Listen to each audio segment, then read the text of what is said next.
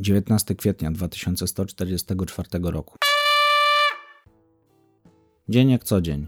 Przebieżka o 4.10 po hałaśliwej pobudce o 4.00, później plat ćwiczeń, przechwałki sprawnościowe młodziaków i na koniec tor przeszkód. Najwyższy poziom trudności. Zdawało mi się, że przez chwilę widzę zachwyt w oczach sierżanta Batisty, kiedy Arnold zawisł na siatce 5 metrów nad ziemią. W ostatniej chwili Hugo i Derek złapali go, zanim zdążył się rozpłaszczyć na żwirze.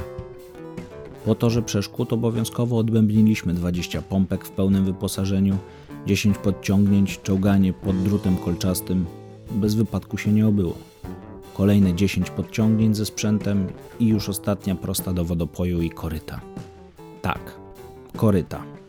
Sierżant Batista z braku wyobraźni postanowił upodlić nas na swój sposób, wyzywając od zwierząt. I oto w ten sposób barak żółtych zmienił się w chlew, a po placu ćwiczeń biegały foczki, kundle, patyczaki, leniwce, komary, ryby, różne gatunki, słonie, pawie i krety. Te ostatnie uwielbiał, kiedy byliśmy na strzelnicy. Mnie często nazywał susłem, a Jeffa karpiem. Ale zamiast brać to do siebie, wydaje mi się, że znalazł sposób, żeby nas odróżniać, nie znając naszych imion. Nie mam pojęcia, ilu żołnierzy już wyszkolił ten król lew, ale sądząc po zmarszczkach, mógł jeszcze szkolić mojego dziadka. Po śniadaniu przyszła pora na nowe polowe ćwiczenia. Musieliśmy zdobyć flagi przeciwników. Zasady zostały nam bliżej wyjaśnione podczas przebierania się w pancerze amortyzujące. Pociski, których używaliśmy, wnikliwie raziły prądem. Dlatego sierżant Batista trzy razy powtórzył, że jeżeli którykolwiek z nas zdejmie podczas manewrów gogle ochronne, to pojedzie na front w czarnym worku, jako kukiełka do odwracania uwagi. W każdym razie nie radził, żebyśmy to robili. Efekt porażenia prądem pokazał nam na Arnoldzie. Szkoda mi było tego dzieciaka, który wił się jak gąsienica na deszczu, ale nikt nie protestował, bo przez niego sierżant dodawał nam kilometry i kary za ociąganie się. Jesteście tak silni jak najsłabsze ogniwo w oddziale, powtarzał. Wszyscy byli bardzo podekscytowani, prócz Arnolda. W końcu ćwiczenia połączone z zabawą. Młodziaków rozpierała energia. Ja i Jeff podeszliśmy do tego z lekkim dystansem, chociaż także nie ukrywaliśmy radości. Po tak długim czasie spędzonym z socjopatą ćwiczenia z zielonymi i niebieskimi były jak prezent w kwietniu. Niestety tego dnia coś się stało, a nasze ćwiczenia odwołano. Sierżanci Batista, Anderson oraz ten od niebieskich natychmiast wsiedli do samochodu i pojechali. Dokąd? Wtedy nie wiedziałem. W zamian za nich przyszło kilku żołnierzy zawodowej służby i kazali nam zdjąć wyposażenie. Nie widziałem Oskara wśród nich. Między drużyną zielonych a zawodowymi doszło do szamotaniny. Nie wiem o co poszło, ale patrzyli na nas dokładnie tak jak ci zdrajcy z SSZ. Nie szanowali nas tylko dlatego, że nie jesteśmy zawodowcami. Wtedy między zielonych a zawodowych wszedł Jeff. Nie słyszałem dokładnie co powiedział i nigdy tego nie powtórzył, ale za te słowa dostał kolbą prosto w brzuch. Zaraz po tym odprowadzili nas do baraków. Panowie z zawodowej już nie rzucali nam wyzywających spojrzeń do końca drogi.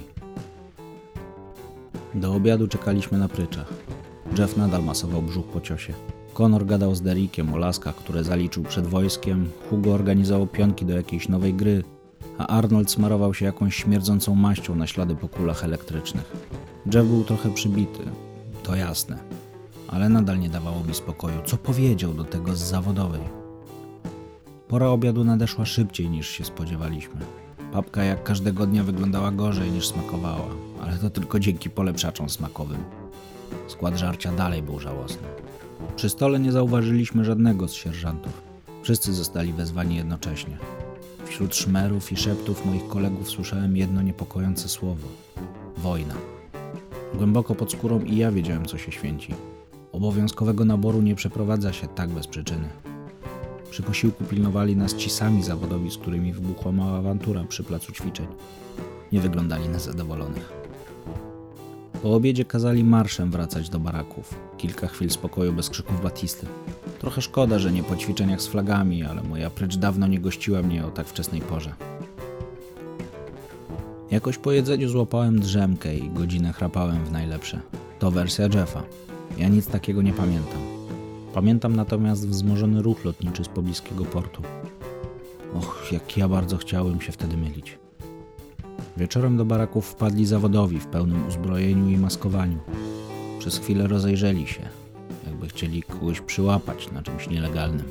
Wydali rozkaz ustawić się w szeregu i w ich eskorcie pomaszerowaliśmy na kolację. Wielu młodych z obawą oglądała się na pilnujących nas zawodowych. Oskara nie zobaczyłem, chociaż nawet gdyby tam był, to i tak przez te zabudowane maski bym go nie rozpoznał. Żołnierze zawodowej armii mieli nowoczesne kombinezony naszprycowane elektroniką i gadżetami. Karabiny znacznie nowocześniejsze od naszych. Hełmy i kamizelki zresztą też. Nawet zasznurowane wysoko buty i stalowe zapięcia błyszczały od nowości. Nam musiały wystarczyć ochłapy, niezawodne jak Arnold na torze przeszkód. W każdym razie atmosfera była napięta, a odgłosy samolotów bezzałogowych podrywanych co pół godziny zagłuszały myśli. Podczas kolacji zawodowi dostali jakiś rozkaz, bo kazali nam kończyć i wracać do baraków. Nie powiem, że kilku chłopaków z nieukrywaną satysfakcją przeciągało moment odejścia od stołu. Gdy weszliśmy do środka i przygotowywaliśmy do snu, Konor zabrał głos. W baraku wybuchła głośna dyskusja i przechwałki. Najlepsi, najsilniejsi, najsprytniejsi, cudowni. Gdyby tak było, każdą wojnę dawno byśmy wygrali.